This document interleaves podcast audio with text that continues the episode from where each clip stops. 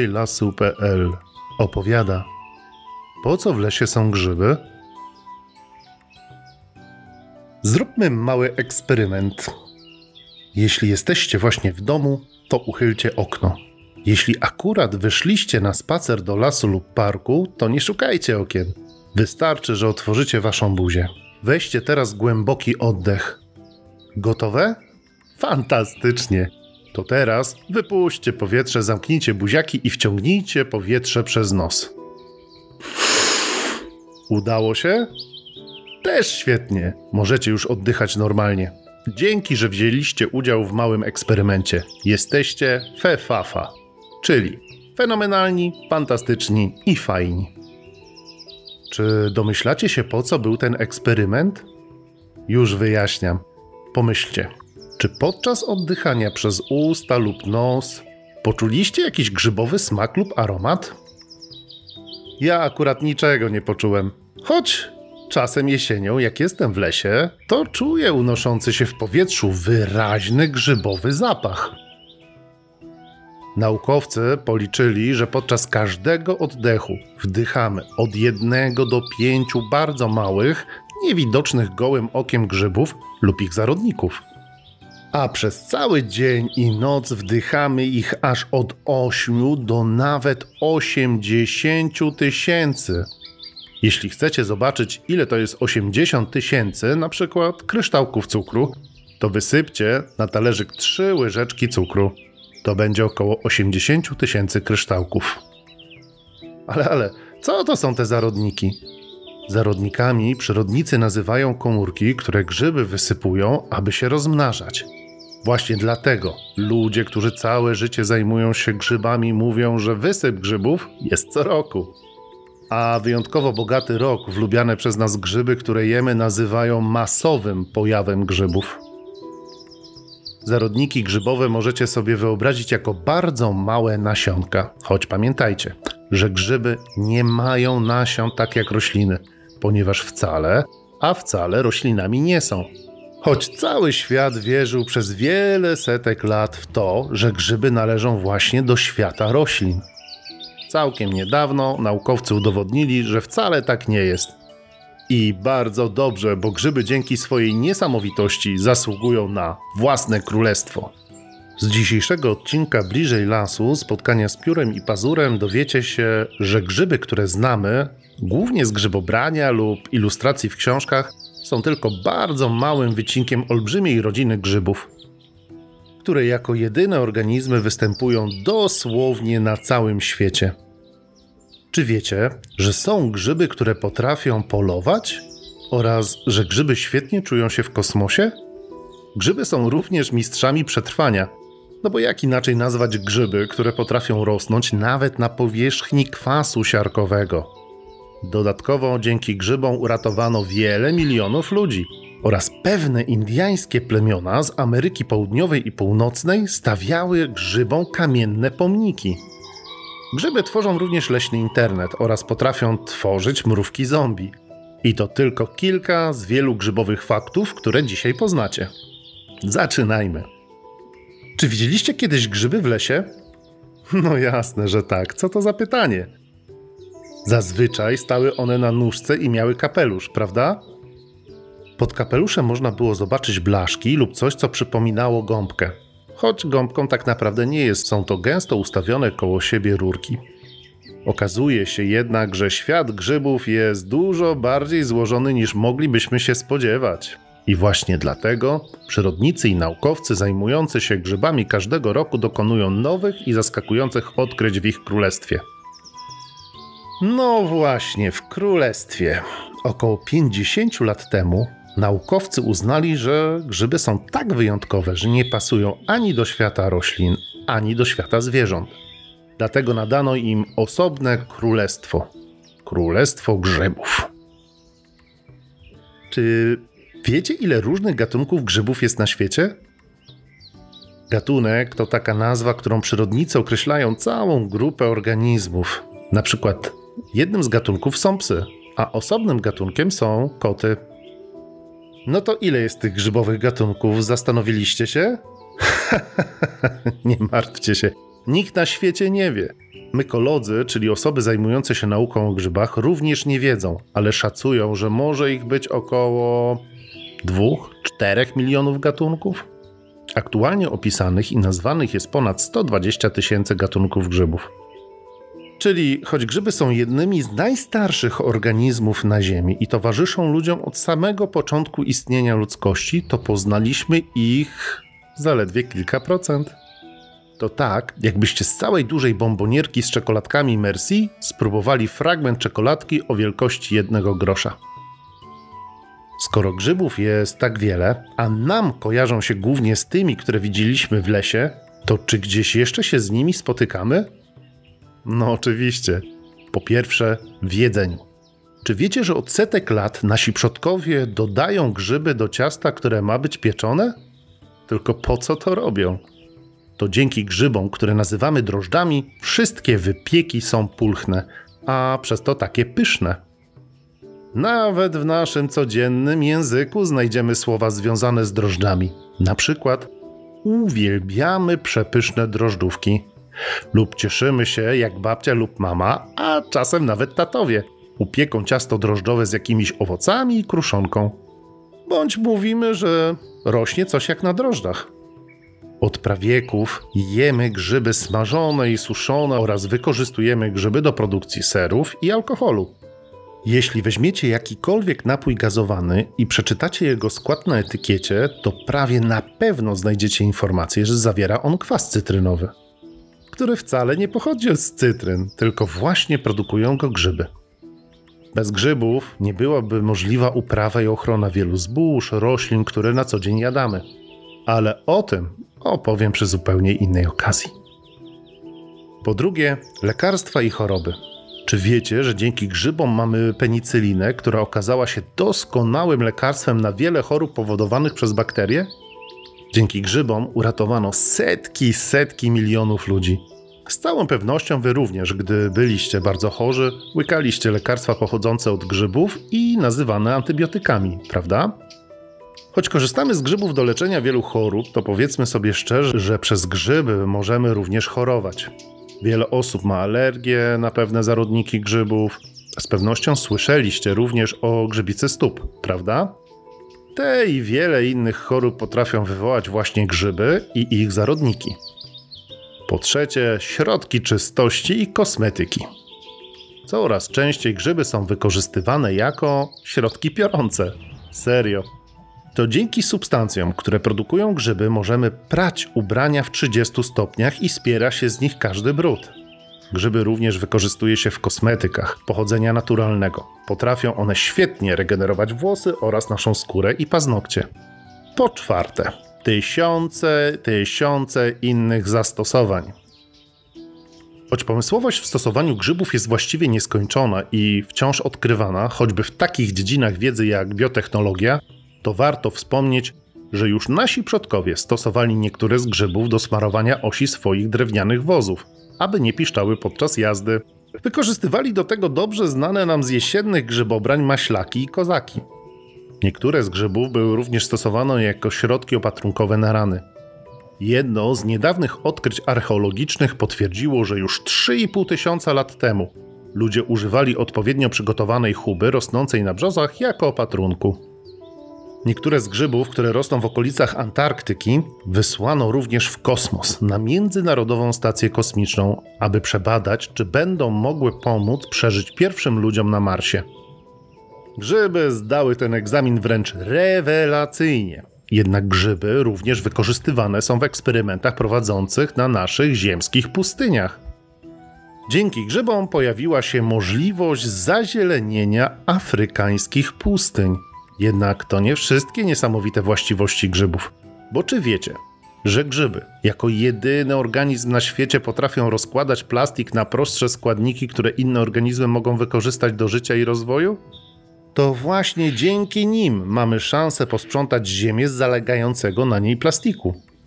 Grzyby, dzięki swoim supermocom, pojawiają się jako pierwsze po wybuchach wulkanów oraz pomagają rozłożyć substancje radioaktywne i ropopochodne podczas katastrof ekologicznych.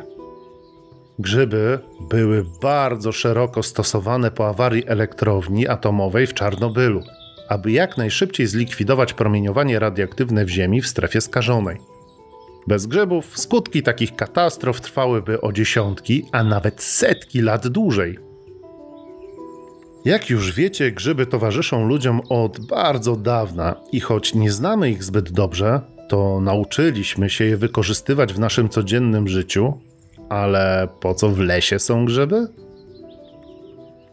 Zanim odpowiemy sobie na to pytanie, musicie wiedzieć, że grzyby kochają jeść. To tak jak my, prawda? Szczególnie słodycze. Właściwie nie ma na świecie większych łakomczuchów niż grzyby. Grzyby samodzielnie nie potrafią produkować pożywienia, co właśnie odróżnia je od roślin. Jeśli chcecie dowiedzieć się więcej o tym, jak rośliny produkują swoje smakołyki, zapraszam Was do wysłuchania odcinka spotkań z piórem i pazurem pod tytułem Dlaczego drzewa są zielone? Właśnie dzięki swojemu apetytowi grzyby są niezbędne w lesie. Przyrodnicy i naukowcy mówią, że grzyby są destruentami i reducentami. Trudne i bardzo mądre słowa, prawda? Mówiąc prościej, to właśnie grzyby sprawiają, że wszystko, co umiera w przyrodzie, wraca do niej rozłożone na bardzo małe cząstki pierwiastki, aby być pokarmem dla nowych pokoleń roślin i zwierząt. Gdyby w lesie zabrakło grzybów, to las po kilku latach zniknąłby po prostu pod warstwą nierozłożonych liści, igieł i setek innych resztek. Oraz zabrakłoby dwutlenku węgla, specjalnego gazu, który jest niezbędny, aby oceany i drzewa produkowały tlen, którym wszyscy oddychamy. Bo to właśnie głównie grzyby odpowiadają za zamknięcie cyklu życia w przyrodzie. Najlepiej zrozumiecie to na przykładzie. Budowaliście kiedyś coś z klocków? Fantastycznie. Takie budowanie z klocków przypomina w świecie przyrody rośnięcie, na przykład rośnięcie polnego maku. On również buduje swoją łodygę, liście, kwiaty i nasiona z różnych klocków nazywanych przez przyrodników pierwiastkami. Gdy polny mak przekwitnie i wysypie swoje nasiona, zaczyna usychać, prawda? Właśnie wtedy grzyby zaczynają swoje działanie. Są zupełnie podobne do Was, gdy rozbieracie to, co zbudowaliście wcześniej z klocków. Takie rozkładanie czegoś na pojedyncze klocki to właśnie zadanie grzybów pojedyncze klocki znów będą mogły stworzyć coś nowego, prawda? Rozkładanie resztek roślin i zwierząt na dwutlenek węgla i inne substancje jest głównym, lecz z całą pewnością nie jedynym zajęciem grzybów w lesie. Otóż grzyby tworzą również leśny, lub mówiąc ściślej, drzewny internet. Otóż grzyby znajdujące się w glebie łączą się z korzeniami drzew, tworząc między nimi połączenia. Takie zjawisko łączenia się korzeni drzew i grzybowej grzybni nazywamy mikoryzą. Ale, ale co to jest grzybnia? Grzybnia to najprościej mówiąc ciało grzybów. Grzybnia najczęściej pozostaje w ukryciu, w glebie, w drewnie i tym podobnych miejscach, a na powierzchni widzimy jedynie jej owocniki, które chętnie zbieramy jesienią, nazywając dla uproszczenia grzybami, choć fachowo należałoby je nazwać owocnikami grzybni. Czy wiecie, że w jednej łyżeczce gleby leśnej może być aż 20 km grzybni? Grzybnie czasem można zobaczyć gołym okiem, gdy weźmiecie grudkę ziemi w palce, widać w niej bardzo cienkie, najczęściej białowe włoski. To jest właśnie grzybnia. Czyli w jednej łyżeczce leśnej ziemi może być grzybnia o długości 50 okrążeń boiska piłkarskiego. Dzięki sieci połączeń drzewa mogą przekazywać sobie różne informacje. Mogą informować się na przykład o zagrożeniach, przesyłać sobie różne smakołyki oraz wodę i dwutlenek węgla. To właśnie dzięki tej niesamowitej sieci drzewa mogą rosnąć, nawet jeśli brakuje im światła lub innych roślinnych smakołyków niezbędnych do ich rozwoju. Po prostu starsze drzewa, które są większe i bardziej korzystają ze światła słonecznego, oraz mają większe korzenie, przekazują część swoich zapasów młodszym drzewom rosnącym pod nimi. Dzięki takiemu leśnemu internetowi drzewa potrafią również rozpoznać swoje potomstwo, czyli młode drzewa, które wyrosły z ich nasion, i wspierać je bardziej niż obce sobie drzewa i rośliny. Jednak dzięki mikoryzie drzewa nie tylko się ze sobą komunikują, ale przede wszystkim otrzymują od grzybów cenne dla drzew smakołyki, których znalezienie byłoby dużo bardziej pracochłonne lub zupełnie dla drzew niemożliwe. W zamian grzyby otrzymują od drzew m.in. cukry, które grzyby wręcz uwielbiają i wykorzystują je do budowania swoich chitynowych ścian komórkowych. Jedno drzewo może być w mikoryzie z około 100 gatunkami grzybów. Samo powstawanie takiego połączenia grzybów i drzew, czyli mikoryzy, jest również ciekawe. Trochę przypomina zaloty. Korzenie drzew produkują specjalną substancję, która ma za zadanie zachęcić odpowiednie grzyby do połączenia się z drzewem. Odpowiednie grzyby to znaczy takie, które po połączeniu będą drzewu dawały korzyści, a nie zabijały go.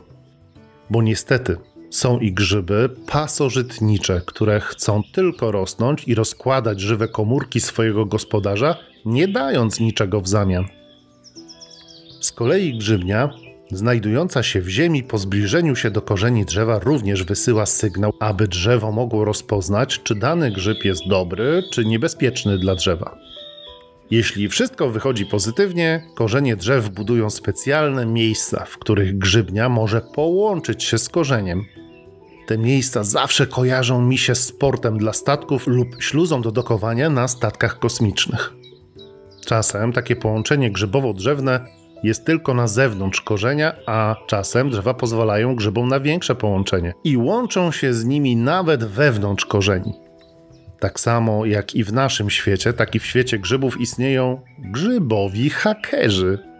Są to grzyby, które potrafią włamać się do takiego grzybowo-drzewnego połączenia i podkraść trochę smakołyków krążących między drzewem i grzybem bez wiedzy swoich gospodarzy. Ale czy wiecie, jak wielkie mogą być grzyby?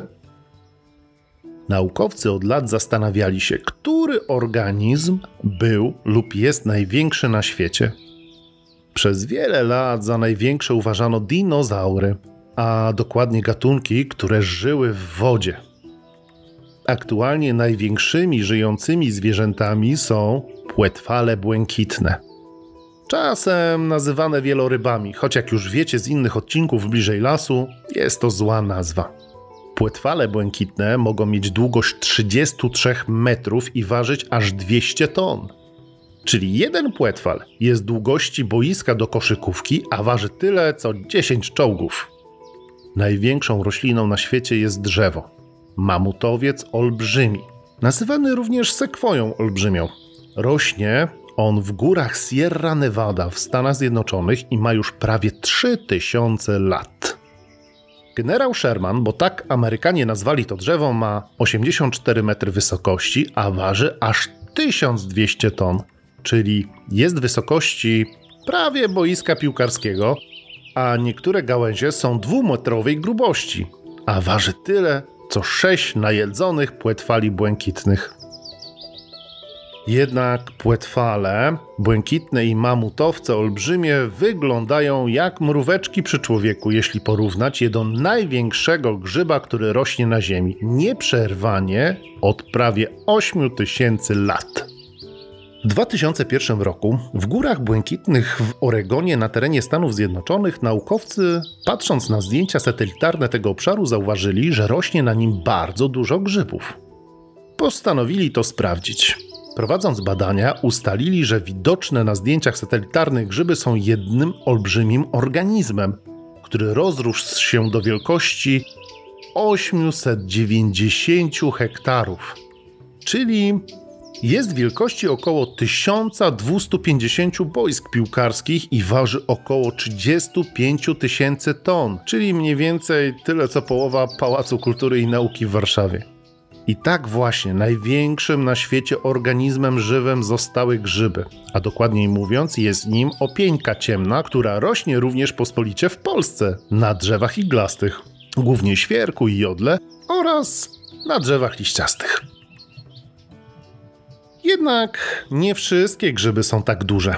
W królestwie grzybów możemy znaleźć właściwie każdy rozmiar grzyba. Od tak olbrzymiego jak odnaleziona w górach błękitnych opieńka, po mikroskopijnej wielkości grzyby mieszkające, tak, w naszym organizmie. Słowem, od koloru do wyboru. Ale czy grzyby mogą wpływać na przykład na pogodę w lesie? No właśnie. Okazuje się, że tak. Grzyby mogą wpływać na pogodę w lesie, a nawet na całym świecie. W dodatku robią to aż na dwa sposoby. Po pierwsze, dzięki grzybom, a dokładnie ich zarodnikom, tworzą się chmury. Oczywiście nie wszystkie, ale naukowcy przypuszczają, że może być to więcej niż połowa chmur na świecie. Uwierzylibyście? Ponieważ zarodniki grzybów, jak już wiecie, są bardzo, bardzo małe. To są świetnymi drobinkami, do których przyczepiają się cząsteczki wody, tworząc chmury i krople deszczu. Jeśli chcecie dowiedzieć się więcej o tym, jak powstają chmury i śnieg, zapraszam Was do wysłuchania odcinka spotkań z piórem i pazurem pod tytułem Dlaczego zimą pada śnieg oraz dlaczego mgła między drzewami znika. Ale czy grzybowych zarodników jest wystarczająco dużo, aby tworzyć chmury na całym świecie? Okazuje się, że tak. Wyobraźcie sobie, że w jednej purchawce olbrzymiej może być aż 7 bilionów zarodników, czyli tysiąc razy więcej niż jest wszystkich ludzi na świecie. A to tylko jeden grzyb. Jak wiecie, grzyby rosną w każdym miejscu na świecie, jak również występują w wodzie, więc ilość ich zarodników jest wręcz niewyobrażalna. Drugim sposobem na zmianę pogody jest uwalnianie przez grzyby dużej ilości wilgoci w jednym momencie. Zmiana ta w przeciwieństwie do poprzedniej dotyczy tylko bardzo niewielkiego fragmentu lasu, lecz wpływa ona na pogodę, zmieniając tuż przy ziemi temperaturę powietrza na niższą. Dzięki czemu powstają prądy powietrzne między ciepłym a zimnym powietrzem i zarodniki grzybów mogą się przemieszczać na większe odległości. Ale czy wiecie, gdzie w lesie rosną grzyby? Właściwa odpowiedź na to pytanie może brzmieć wszędzie. Brawo, bystrzaki! Grzyby występują praktycznie wszędzie i to przez cały rok. Rosną na pniach drzew, nazywamy je najczęściej chubami. Na pniakach, pościętych drzewach rosną również na gałęziach, liściach, ziemi i wielu innych miejscach, choć grzyby równie chętnie rosną i na owadach lub w nich oraz innych zwierzętach. Grzyby rosną również w drewnie. Pewnością widzieliście kiedyś na spacerze sosnę, która miała wygiętą gałąź tak, że można było do niej przyłożyć ekierkę, lub przypominała słonia z podniesioną trąbą, prawda? To właśnie jeden z grzybów padł na sosnową gałązkę i dał radę wrosnąć do jej środka. W wyniku takiego działania połowa sosnowej gałązki przestała rosnąć na długość, ale druga zdrowa połowa wciąż rosła i gałązka zaczęła się wyginać. Ostatnio bardzo głośno na świecie było o grzybie, który potrafi zamieniać tropikalne mrówki w zombiaki. Zombiakami nazwano zarażone mrówki, które nie wracały do mrowiska, lecz wchodziły na łodygi pobliskich roślin lub wgryzały się w spadłe niedaleko liście i tam zamierały. Okazuje się, że maczużnik, bo tak nazywa się ten grzyb, występuje również w Polsce tylko trochę inny gatunek. Można nazwać go kuzynem tego tropikalnego grzyba. Jest to jeden z grzybów, które potrafią rosnąć wewnątrz mrówek, pszczół, os i wielu innych latających owadów z rodziny błonkówek. Jednak grzyb ten wcale nie zaraża mózgu swojej ofiary, lecz przejmuje władzę nad jej mięśniami. Gdy zarażona ofiara grzyba umrze, wyrasta z niej owocnik grzyba przypominający maczugę, zawierająca zarodniki grzyba. A czy wiecie, że są w lesie grzyby, które potrafią świecić? Serio. Poznanych na świecie świecących grzybów jest aż 71 gatunków, choć prawdopodobnie jest ich znacznie więcej. W Polsce również możecie spotkać grzyba, który świeci. Jest nim wspomniana już wcześniej opieńka miodowa. Świeci oczywiście jej grzybnia, a nie owocniki. Jednak daje ona tyle światła, że podczas I wojny światowej w pochmurne lub bezksiężycowe noce żołnierze czytali przy nich listy otrzymywane od swoich bliskich. Wystarczyło wziąć kawałek drewna, który był porośnięty grzybnią, ważne, aby grzybnia była młoda i dość wilgotna, oderwać kawałek kory i można było cieszyć się światłem w ciemności. Jeśli chcecie zobaczyć takie zjawisko na własne oczy, poszukajcie najlepiej wiosną, gdy temperatura powietrza nie jest większa niż 25 stopni, wraz z rodzicami lub dziadkami opieńki miodowej w waszych lasach. Zróbcie to w ciągu dnia, kiedy wszystko widać. Z pewnością ją spotkacie. Jest bardzo pospolita w naszym kraju. Zapamiętajcie to miejsce i przyjdźcie w nie ciemną nocą. Godzina nie ma większego znaczenia, ponieważ opieńki świecą najjaśniej od 17.30, a najsłabiej koło 8 rano, ale świecą właściwie przez cały czas. Następnie wyłączcie wszystkie latarki i zaczekajcie 15 minut w absolutnej ciemności, aż wasze oczy się do niej przyzwyczają. Wtedy oderwijcie kawałek kory zarażonego opieńką drewna. Efekt jest niesamowity. Takie opinkowe pniaki były stosowane w kopalniach węgla, aby dostarczać do nich choćby odrobinę światła i wskazywać górnikom drogę w absolutnych ciemnościach. Takie świecące drewno również wykorzystywano tam, gdzie nie można było zapalić ognia, na przykład w magazynach czarnego prochu oraz składach mąki. Tak, pył z mąki również potrafi być wybuchowy. Kawałki drewna, które świeci, jakie wtedy nazywano, stosowali również nasi przodkowie do wskazywania sobie drogi w lesie. Ale po co jeszcze są grzyby w lesie? Ponieważ grzyby rosną wszędzie, właściwie przez cały rok, to ich owocniki są świetnym pokarmem dla wielu zwierząt oraz ludzi. Ile gatunków grzybów zbieracie z rodzicami? Myślę, że jest ich kilka, prawda? Prawdziwki, borowiki, podgrzybki, koźlarze, maślaki, gąski, kurki, sowy. Już gdzieś słyszeliście te nazwy.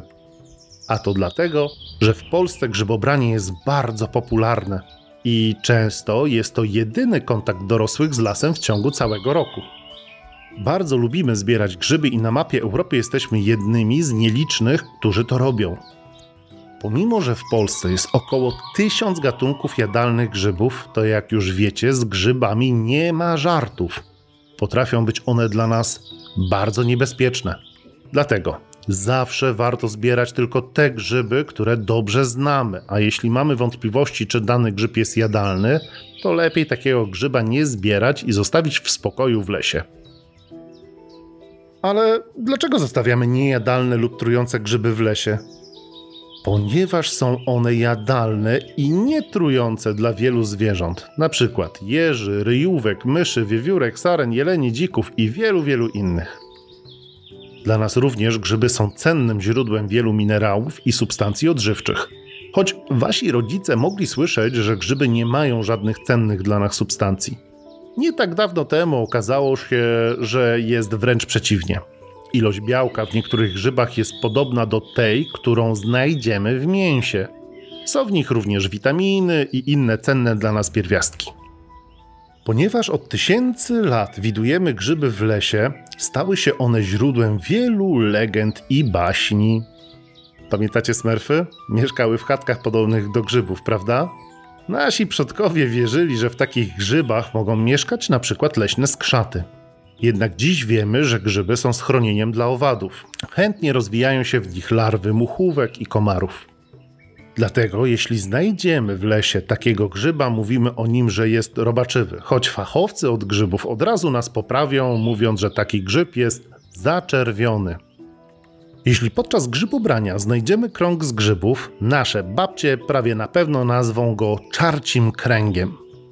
Bierze się to z przesądu, że w takich kręgach czarownice odprawiały swoje czary, lub diabły chowały w nich swoje skarby. Czasem uważano, że są to miejsca, w których lubią tańczyć leśne rusałki, lub powstawały takie miejsca od uderzenia smoczego ogona.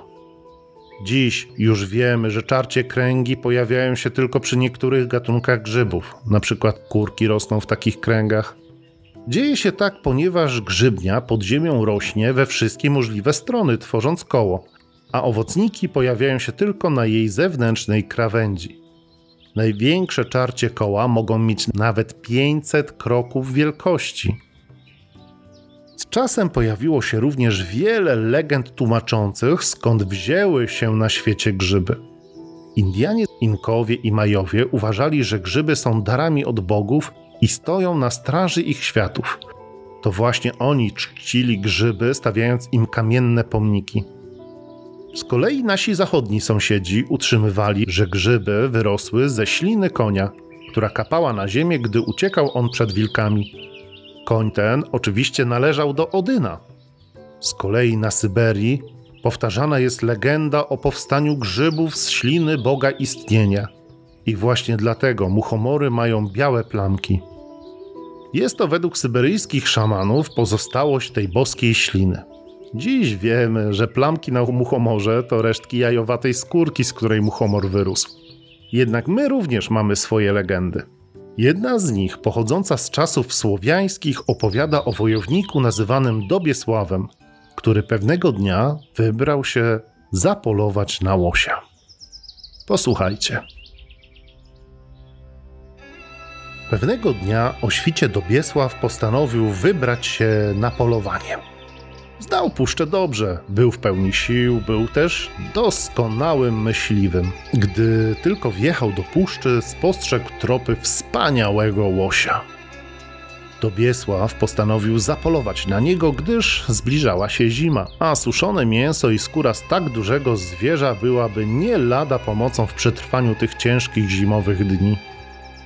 Dobiesław, podążając za tropem, zagłębiał się w puszczę coraz dalej i dalej. W pewnym momencie spostrzegł, że nigdy jeszcze nie był w tej części prastarego lasu i że zwyczajnie zgubił drogę do domu. Pomyślał, że zanim poszuka drogi powrotnej, odpocznie. Zsiadł ze swojego wierzchowca i położył się w leśnej trawie.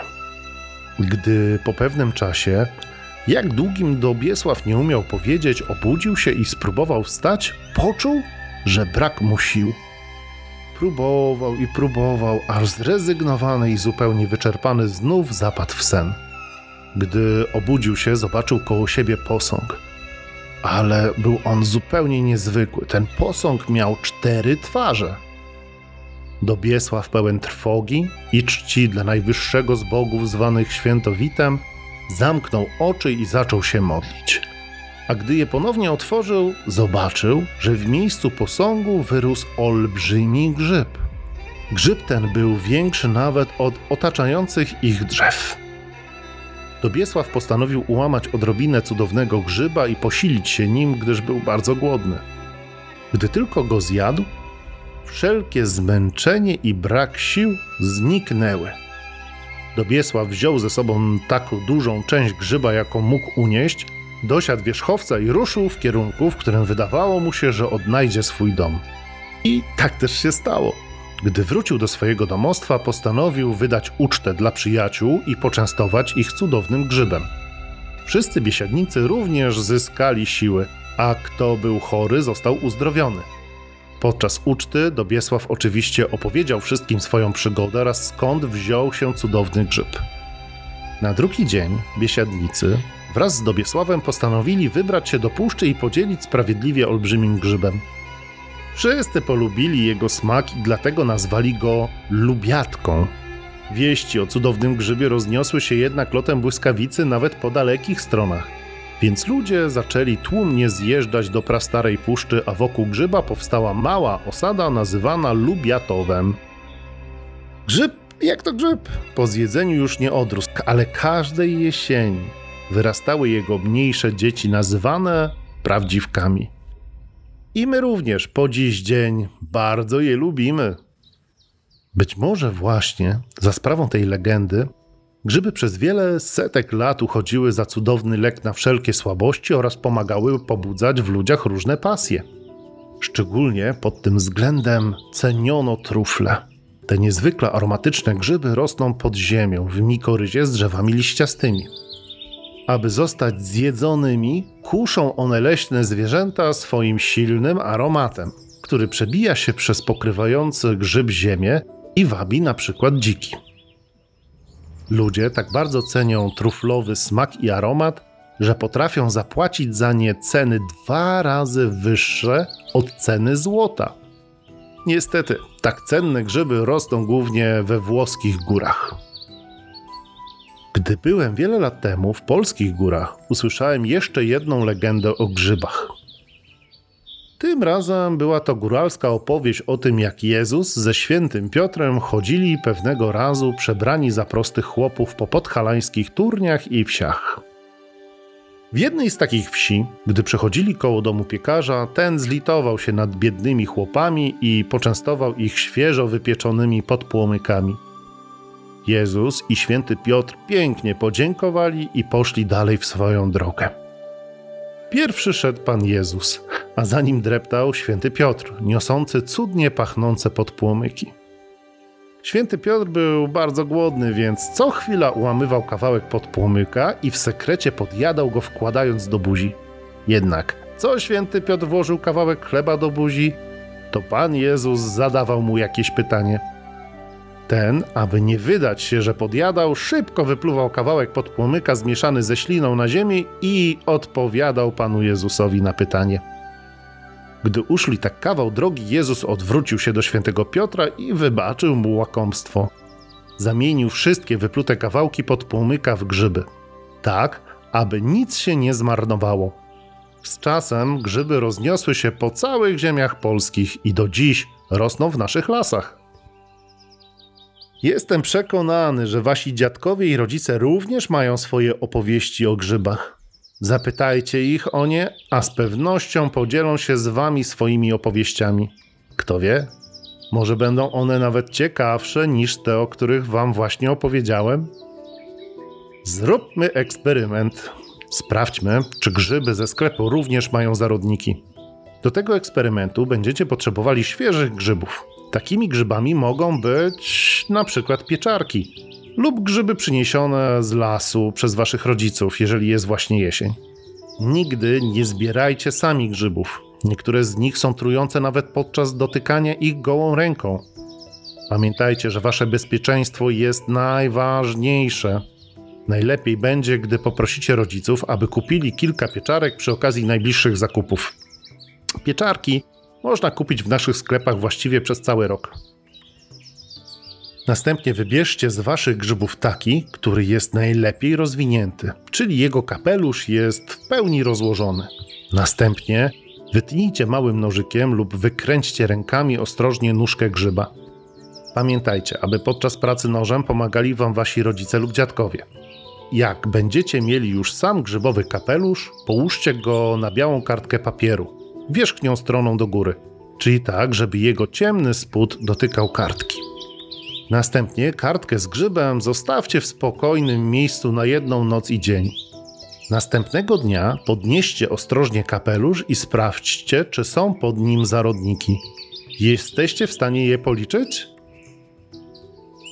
Dziękuję Wam za wysłuchanie kolejnego odcinka bliżej lasu.pl spotkania z piórem i pazurem. I już teraz zapraszam Was na kolejny odcinek, który pojawi się już wkrótce. Do zobaczenia w lesie.